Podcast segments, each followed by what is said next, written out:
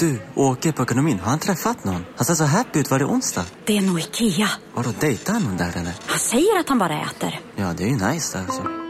Missa inte att onsdagar är happy days på IKEA. Fram till 31 maj äter du som är eller blir IKEA Family-medlem alla varmrätter till halva priset. Välkommen till IKEA. Här sitter jag i en ljudstudio tillsammans med ett sjölejon för att berätta att McDonalds nu ger fina deals i sin app till alla som slänger sin takeaway förpackning på rätt ställe. Även om skräpet kommer från andra snabbmatsrestauranger, exempelvis Eller till exempel Ja, precis. Välkomna sommaren med att... Res med Stena Line i sommar och gör det mesta av din semester. Ta bilen till Danmark, Tyskland, Lettland, Polen och resten av Europa. Se alla våra destinationer och boka nu på stenaline.se. Välkommen ombord!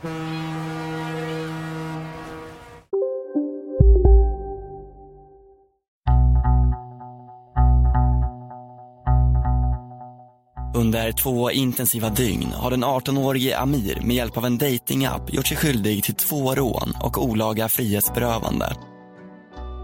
Det ska dröja nästan två veckor tills han slår till igen. Men den här gången eskalerar våldet till en helt ny nivå. Jag heter Karl Fridsjö och du lyssnar på del två av en mörk historia om dejtingrånen. Har du inte lyssnat på del 1 så gå tillbaka och gör det först.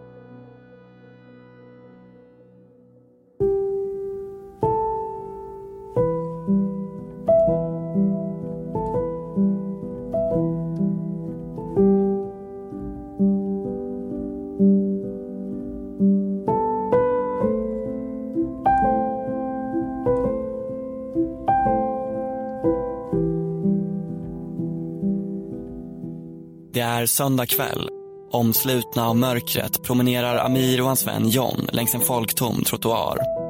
Det är en lugn gata, bortsett från det dova ljudet av bilar som seglar förbi korsningen en bit bort. På andra sidan gatan kommer Bengt gåendes. Amir och John betraktar honom på avstånd. Bengt är nästan 60 år gammal och på väg mot en dejt. När han kommer närmre noterar Bengt de två männen, men tänker inte mer på det. De passerar varandra utan ett ord. I den stunden så har Bengt ingen aning om att de strax kommer mötas igen. Eller att den ena mannen i själva verket är personen han lämnat ut sitt telefonnummer till och stämt träff med över Grindr. Amir däremot vet precis vem Bengt är så fort han fick Bengts telefonnummer tog han reda på vem han var och sonderade om han kan tänkas vara ett lukrativt offer. Det var han. Det är bara några dagar tidigare som Bengt fått kontakt med en blond, nyinflyttad student på Grindr. Eh, pratar om att han skulle ut och festa till helgen och eh, ja, pratade på i allmänna ordalag. Alltså, det kan jag säga efteråt att det som har slagit mig är väl att, att det var mycket allmänna ordalag utan mer ja, ville snacka så att säga. Det, det, det var stort och litet, eh, stort och smått så att säga.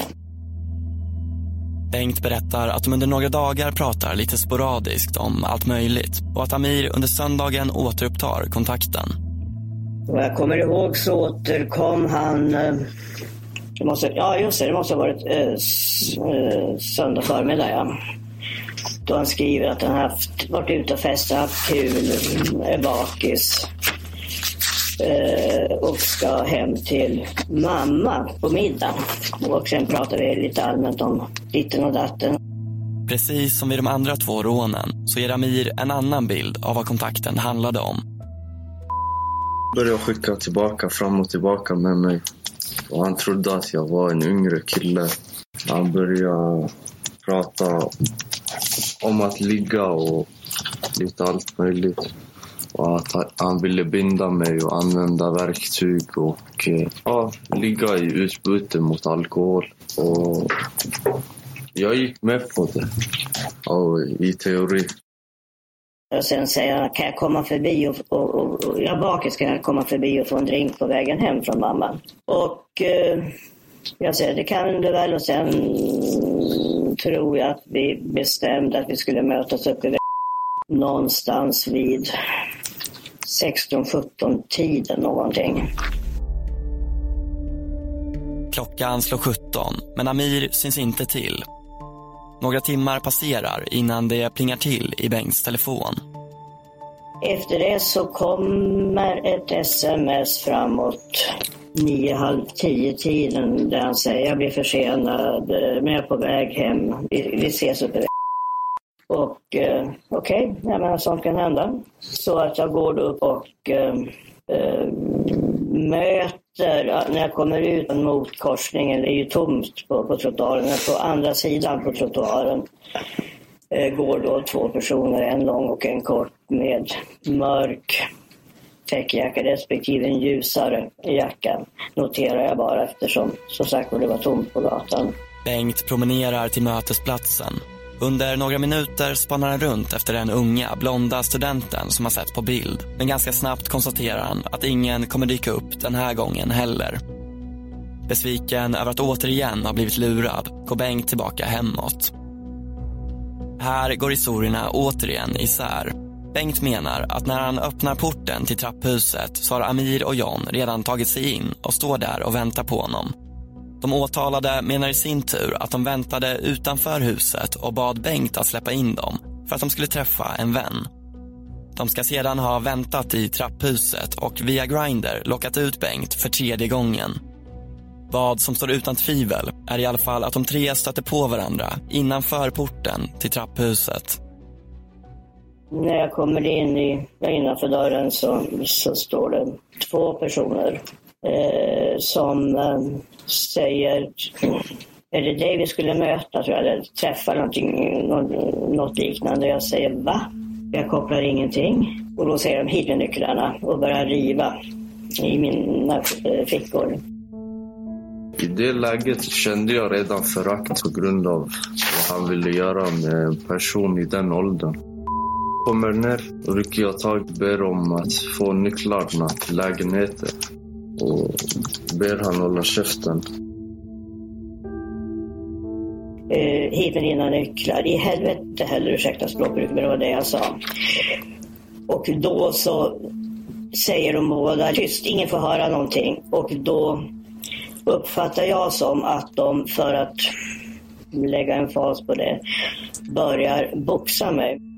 Och då börjar rycka tag i mig och dra i mig. Och då tappar jag kontrollen helt enkelt. Jag kunde inte kontrollera mig. Jag kan inte göra det när folk drar i mig. Jag tappar kontrollen då. Det är mycket korta sekvenser, alltså tidsmässigt. Men då säger jag ut, ni ska ut, ut ska ni. Och börjar då tränga dem mot dörren, alltså går in bakom och tränger dem mot dörren och motar med, med den här armen som jag senare fick så brottet på. Då drog jag fram kniven från min ficka och eh, började hugga i mani. Tappade kontrollen helt. Började hugga. Får upp eh, dörrlåset med vänster hand och tränger dem mot dörren och står då den här vänder sig om och springer. Men står kvar i dörren och, och sen gör ett slags ja, utfall in mot mig och då skär mig i ansikte och, och hals. Och sen vänder och, och springer. Till en början så förstår inte Bengt att Amir har tagit fram en kniv. Han upplever det som att de båda männen boxar mot honom men när gärningsmannen sprungit iväg och adrenalinet börjar avta så inser han att det är något som inte stämmer. Då, när de här, då känner jag att någonting liksom, ja, ja det känns att någonting har hänt i ansiktet så att säga. Eh, och jag känner också när jag börjar gå uppåt att, att det, det, det nästan droppar eller plaskar eller någonting sånt. Så att, jag menar fortfarande så, så är det så säga, mörkt i trappuppgången. Jag tänder lyset när jag kommer upp till första halvetaget och ser då blodspåren eh, på trappen och, och förstår att, att här är något illa som har hänt. Efter det kutade jag därifrån och jag mådde dåligt efteråt på grund av vad jag gjorde. Jag hamnade i någon form av chock efter den här knivhuggningen. Amir har huggit upprepade gånger mot hela Bengts överkropp och hals. Han berättar senare att det var ren slump var någonstans knivhuggen landade och att han tog med kniven till mötet helt enkelt för att kunna försvara sig. Ironiskt nog menar han att han var orolig för vem han skulle kunna träffa. Och varför hade du med dig kniven då? Ifall, eh, ifall det hade gått åt helvete. Ifall han försökte göra något. Vad skulle du göra då? då? Skydda mig. Va? Skydda mig. Skydda dig? Ja. Om han försöker göra någonting. Man vet aldrig vem man träffar på nätet. Bengt stapplar upp för trapporna och ringer på sin granne som hjälper honom att ringa 112. Han sjunker sen ihop i trapphuset och pendlar in och ur medvetande. Amir och John är redan långt från trapphuset. Vid en bro gör Amir sig av med kniven, kastar den i vattnet innan han fortsätter vidare. Men den här gången ska han inte komma undan. Tack vare en polis magkänsla kommer han kunna gripas redan samma kväll. Men eh, mer om det lite senare.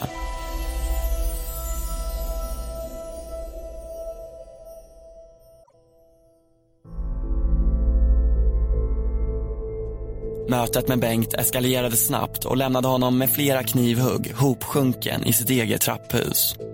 Eftersom rånet mot Bengt skiljer sig från de andra två ska försvarsadvokaten under rättegången lägga mycket vikt vid chattkonversationerna på Grindr som Amir menar är betydligt grövre än vad Bengt vill tillstå.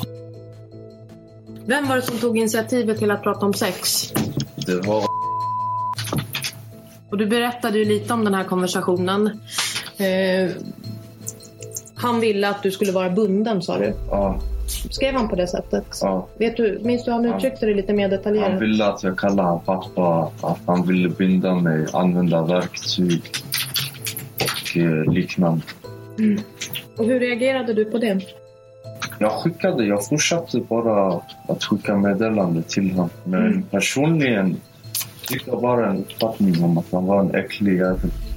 Enkelt. Tyck- Tyckte du att det var obehagligt på något sätt? Ja, jag tyckte det var jätteobehagligt. Blev du rädd? Ja. Inte för, jag blev inte personligen rädd, men för hur, ut, hur han uttryckte det, allt det här, det blev jag rädd för. Jag vet, även om du tycker det är jobbigt att prata om, att du har haft stora problem med din pappa. Ja, Och blivit väldigt misshandlad av honom under hela uppväxten. ja. Påverkade det dig på något sätt i den här situationen när skriver att du ska kalla honom pappa, han ska binda dig och så vidare? ja. Bara när han eh, började rycka tag i mig, Mm. så tappade jag. Jag klarade inte av det. Jag blev en annan person då. Mm.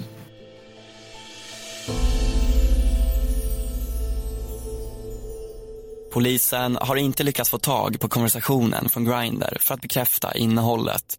Samtidigt så avfärdar Bengt alla anklagelser om såväl de sexuella detaljerna som att det skulle röra sig om sexköp. Ja, du har ju hört vad, vad eh, försvarare har, har sagt här sakframställningsvis att eh, det skulle varit uppgjort och att ni skulle haft sex så att du skulle lämnat alkohol för, mot sex så att säga. Vad säger du om den saken? Alltså det enda som gäller alkohol var erbjudandet att komma förbi och få en drink. Eller ett glas vin eller vad det var. Och något erbjudande om sex är, är nej, nonsens.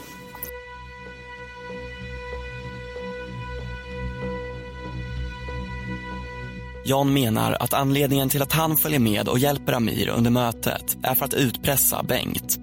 Han har fått höra att han är en snuskgubbe och citat sliskig. Att de genom att vända vad han skrivit på Grindr emot honom ska kunna få honom att betala för deras tystnad. Vem som talar sanning kommer vi förmodligen aldrig få veta. Amir tycks ha lätt för att överdriva och nämner till exempel i ett förhör att han är ett datorgeni som lyckades hacka Google när han bara var 12 år gammal. Men samtidigt har Bengt kanske möjlighet att återställa konversationen och överlämna den till polisen. Något han inte ser som relevant för målet. Har du kvar den här konversationen mellan dig och, och min klient? Nej. Hur kommer det sig? Och den enkla anledningen är, eh, eftersom jag förstod hur det hängde ihop så var Grindr det sista jag ville ha kvar och se på min mobil. Har du raderat appen? Ja, Har du inte raderat konversationerna? jag förstår inte skillnaden här. Försvarsadvokaten förklarar skillnaden mellan att radera appen och att radera själva konversationen inuti appen. Så det betyder att skulle man installera den här appen igen så skulle man komma åt de här konversationerna då möjligtvis. Skulle du kunna tänka dig att hjälpa till med det och ta fram de här konversationerna?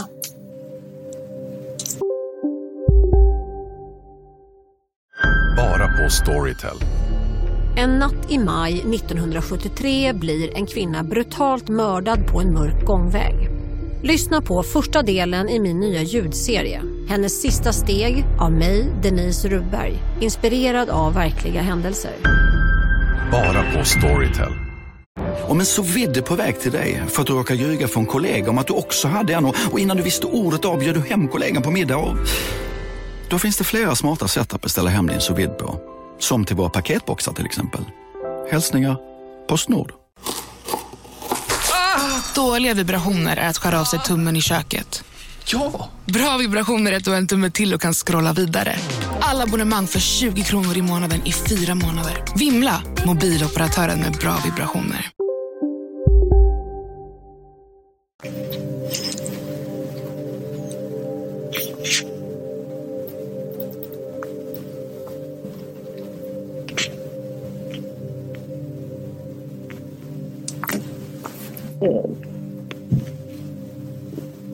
Nej. Och varför inte det? Den är ju bara helt oskyldig och det handlar om vad, vad min klient ville. Det fanns ju inget prat om sex. Och den är, därför jag tycker det här målet handlar om 12 knivhugg mot mig.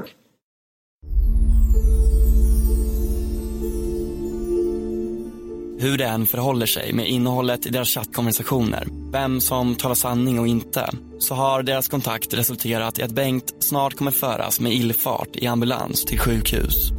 Filip är en av de poliser som nås av larmet. Han beskriver vad han ser när han kommer till platsen.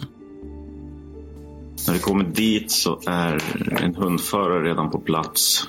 Vi tittar in i porten så ser vi att det är blod i trappan trappuppgången innanför porten. Porten är låst om jag kommer ihåg rätt, men om man ryckte till den så gick den upp ändå. Så går vi upp för trappen och det är blod i trappen på vägen upp till eh, utanför eh, målsägarens lägenhet där. Och där ligger han på golvet i trapphuset. En annan polis som också jobbar nattpasset den här kvällen är Per. Han får först i uppgift att ställa sig och täcka en av de större vägarna ifall någon skulle försöka fly den vägen. Eh, Men det kändes väl inte så hett så att vi tänkte att vi rör oss mer mot de centrala delarna och se om det är någon som stämmer in på, ja, vi hade väldigt lite signalementsuppgifter. När de befinner sig i centrum slås Per av en tanke. Eh, Att jag en tid innan det här hade skjutsat hem en person till en adress som var väldigt nära brottsplatsen. Det var väl egentligen enda kopplingen till en början. Och så åkte vi väl dit. Jag visste inte vilken lägenhet det var heller. Så vi började... Det är en osannolik chansning från Pers sida. Men i brist på andra spår så bestämmer de sig för att undersöka saken närmre. De kommer till lägenhetshuset och efter ett tag tycker sig Per känna igen ett av namnen på dörrarna och ringer upp ägaren. Det lät som att han var nyvaken. Han svarade och sa att det var hans lägenhet förvisso, men att han inte nyttjade den. Per får ytterligare ett nummer till en representant från företaget som hyrde lägenheten. Han beslutar sig för att fortsätta gräva vidare och ringer upp representanten från företaget. Och han berättar ju att ingen ska ha bott där senaste månaden, men att det, den senaste personen som bodde där, att det var... Man ska ha bott där tillsammans med någon kontaktperson. Den senaste personen som bodde i lägenheten var en ung kille som heter Amir. Pers chansning har av en ren slump lett polisen in på helt rätt spår. Det finns inget som tyder på att Bengt hade valts ut på grund av att han bodde i närheten av den här lägenheten. Men det har polisen såklart ingen aning om i det här läget. Jag tror att det var några grannar som sa att det hade rört sig personer i trappuppgången den kvällen. Att det var mycket spring i den där lägenheten. Uh, och nu är det ju det är en jäkla indiciekedja här, så bara tänka hur vi gick vidare sen. Uh, jo, men det var väl så att via uh, så fick jag nummer till en person som var nuvarande kontaktperson. Till sist får man tag på Amirs nuvarande kontaktperson. Han berättar att han pratat i telefon med Amir under kvällen och lyckas placera honom ungefär 300-400 meter från brottsplatsen vid ungefär rätt tidpunkt.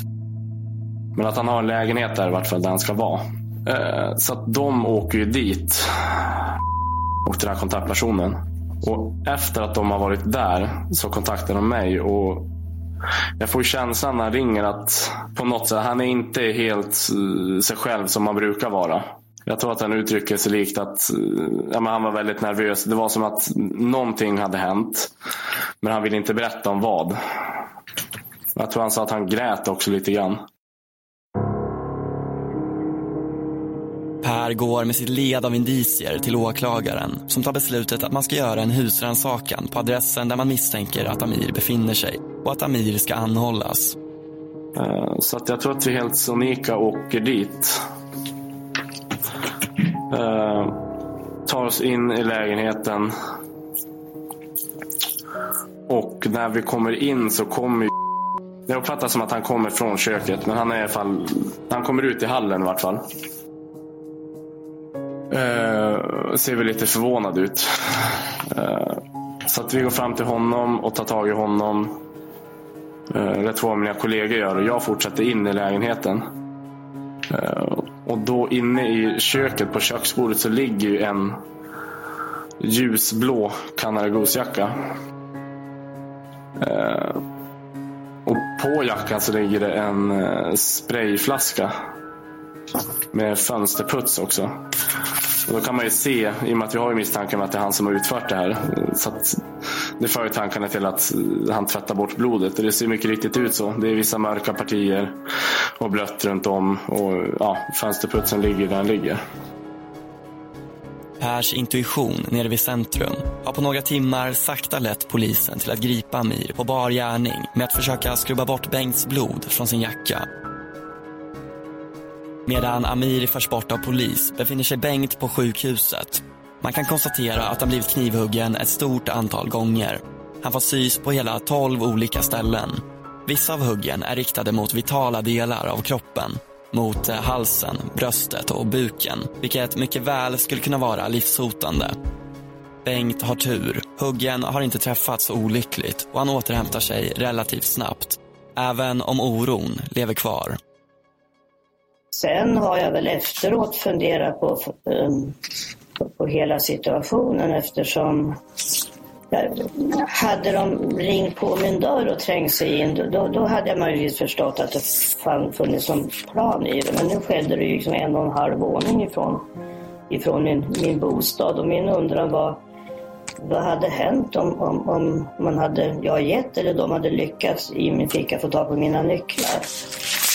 Um, men att skulle någon ha gått upp till, till lägenheten och en vaktat mig, knappast. Skulle jag, ja, i tanke på den upplevelsen som då renderade detta, skulle man bara oskadliggjort mig för att få göra det man ville eller när var det? Alltså det, det, det är väl det obehag som möjligtvis eh, jag lever med. Det du har reflekterat över i efterhand? Om jag Jag har reflekterat, ältat skulle jag kalla det. Men, men, men det, det är något sånt där som dyker upp hos mig. Så det bär du med dig? Ja. Efter en lång tingsrättsförhandling faller till slut domen. Till en början så förnekade Amir all inblandning i händelserna. Men en bit in i förhören så ändrades hans inställning. Han erkänner bland annat att han huggit Bengt men förnekar att han skulle haft uppsåt till mord. Eftersom att huggen är så omfattande och riktade mot vitala delar av kroppen så bedömer tingsrätten det som att Amir varit likgiltig inför om Bengt hade dött av våldet. Han döms skyldig för bland annat försök till mord, tre rån och olaga frihetsberövande. Eftersom Amir bara är 18 år gammal vid brottstillfället så tillämpar man en så kallad straffrabatt som halverar fängelsetiden. Påföljden blir således fyra års fängelse. Åtalet mot John blir desto knepigare för åklagaren. Jag visste inte att blev knivhuggen förrän polisen berättade till mig. Lampan var släckt och det var mörkt och jag trodde att han blev boxad. Jag nekade brotten för att mitt namn var inblandad i mordförsök, vilket jag inte känner till. Om jag visste att någon blev knivhuggen den natten så hade jag kollat igenom mina kläder och skor efter blodspår. Men det gjorde jag inte. Tack, jag är klar.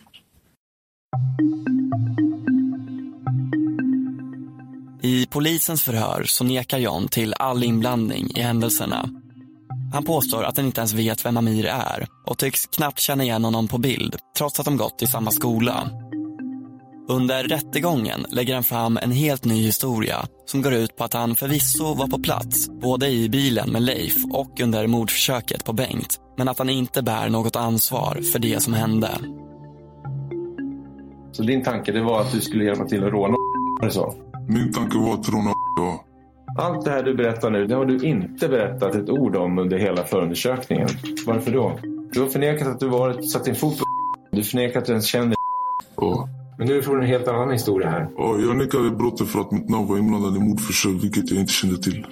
Om du inte har gjort något, varför har du inte berättat om det då? Därför mitt namn var inblandad i mordförsök. Mm. Du är åtalad för mordförsök. Nej. Om man är oskyldig då har man chansen att berätta om det under hela förundersökningen. Men det har inte du gjort. Varför? Jag var förvånad och jag, jag, var, jag var rädd. Hela andra förhöret står det bara tyst, inga kommentarer. Du svarar inte på en enda fråga. Varför gör du inte det om du är oskyldig? För att eh, jag var chockad och eh, jag ville inte lägga mig i.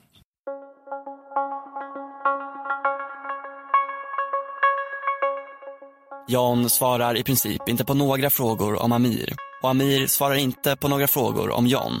En fras som John upprepar otaliga gånger under förhören är “Jag talar bara för mig själv och ingen annan”.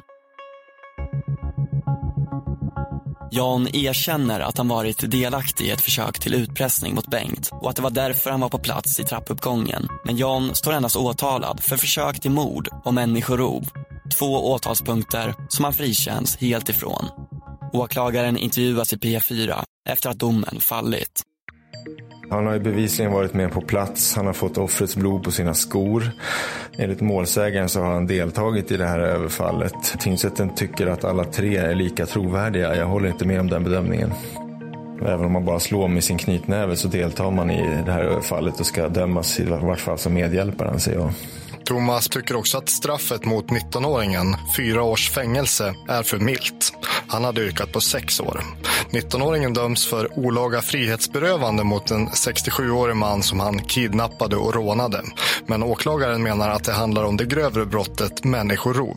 Rekvisiten är att man ska tvinga någon till en tjänst och eh, där tycker jag att man gör det om man rånar en person i hans hem, binder honom till händer och fötter, hotar honom med kniv och sen tvingar honom under vapenhot att skjutsa honom in till en bankomat för att man ska länsa hans konto. Då tycker jag att det är en tjänst.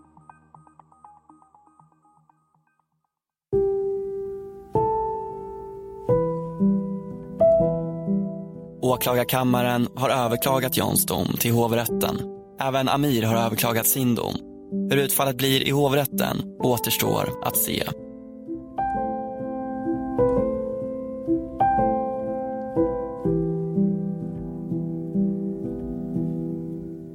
Du har lyssnat på en mörk historia om dejtingrånen. Producerat av mig, Karl Fridsjö och Joel Silberstein Hont.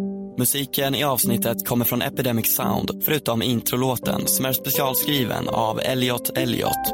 Mer av hans musik hittar ni på Spotify. Tack för att du har lyssnat.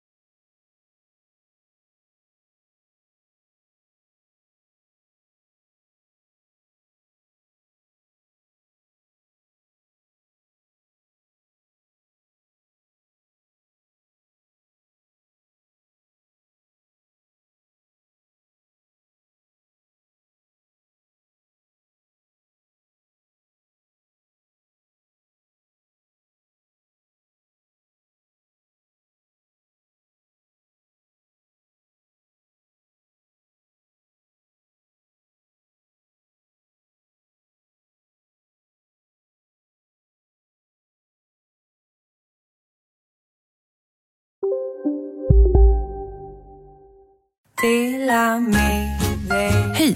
Är du en av dem som tycker om att dela saker med andra? Då kommer dina öron att gilla det här. Hos Telenor kan man dela mobilabonnemang.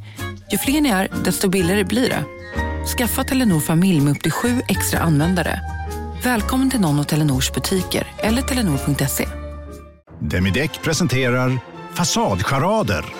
Dörrklockan. Du ska gå in där. Polis? Effektar? Nej, tennis tror jag. Pingvin. Alltså jag fattar inte att ni inte ser. Va? Nymålat. Men det var många år sedan vi målade. Demideckare målar gärna, men inte så ofta. Hej, Susanne Axel här. När du gör som jag och listar dig på en av Krys vårdcentraler får du en fast läkarkontakt som kan din sjukdomshistoria. Du får träffa erfarna specialister, tillgång till lättakuten och så kan du chatta med vårdpersonalen. Så gör ditt viktigaste val idag, lista dig hos Kry.